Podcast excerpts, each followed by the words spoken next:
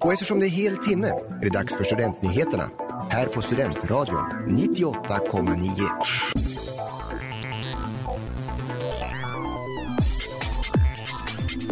Debatter om yttrandefrihet och lokala klimatnyheter. Det här är veckans nyheter med Marcus Helge och mig, Hanna Wolfsson.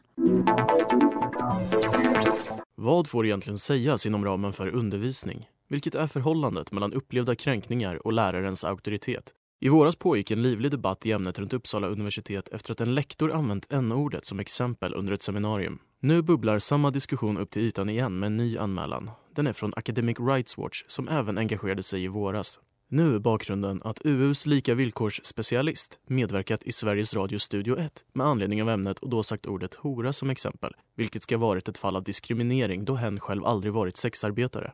Själva anmälan rör att universitetet behandlat dessa två incidenter av ordval olika då den första med n-ordet bedömdes som olämplig men inte den andra, uppger tidningen Ergo. En liknande diskussion har även pågått vid Cambridge University, England efter att ett förslag på uppdatering av universitetets Freedom of Speech Policy lagts fram. Uppdateringen skulle innebära att studenter, anställda och inbjudna talare tvingas vara respectful of the views and identities of others enligt Ergo. Men The Regent House, universitetets styrande organ, antog istället ett motsatt förslag som handlar om att vara tolerant mot åsikter som inte stämmer överens med de egna, även om de är kontroversiella.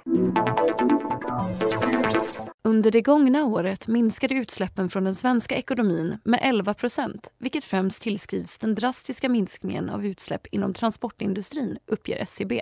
Pandemin har präglat våra resevanor och har bland annat inneburit att allt färre valt att resa med flyg. Men trots denna utveckling visar flera studier att minskningen av utsläpp och de klimatåtgärder som redan finns på plats är långt ifrån tillräckliga. Att satsa på grön återhämtning i pandemins kölvatten lyfts som en viktig väg framåt. Bland de som försöker ta tillvara på möjligheten finns Uppsala kommun. Tillsammans med åtta andra kommunstyrelseordförande skrev Uppsalas Erik Pelling nyligen under satsningen Klimatkontraktet 2030. Samarbetsavtalet syftar till att påskynda klimatomställningen och görs i samarbete med staten, meddelar kommunen på sin hemsida. Avtalet kommer att bli en del av det pågående innovationsprogrammet Viable Cities och ämnar minska kommunens klimatutsläpp mellan 10 och 14 procent per år med start under nästkommande år. Visionen innefattar såväl innovativa satsningar som utvidgad dialog med invånarna. Nyheterna på Studentradio 98,9 önskar er lyssnare En god jul och ett gott nytt år. Thank you.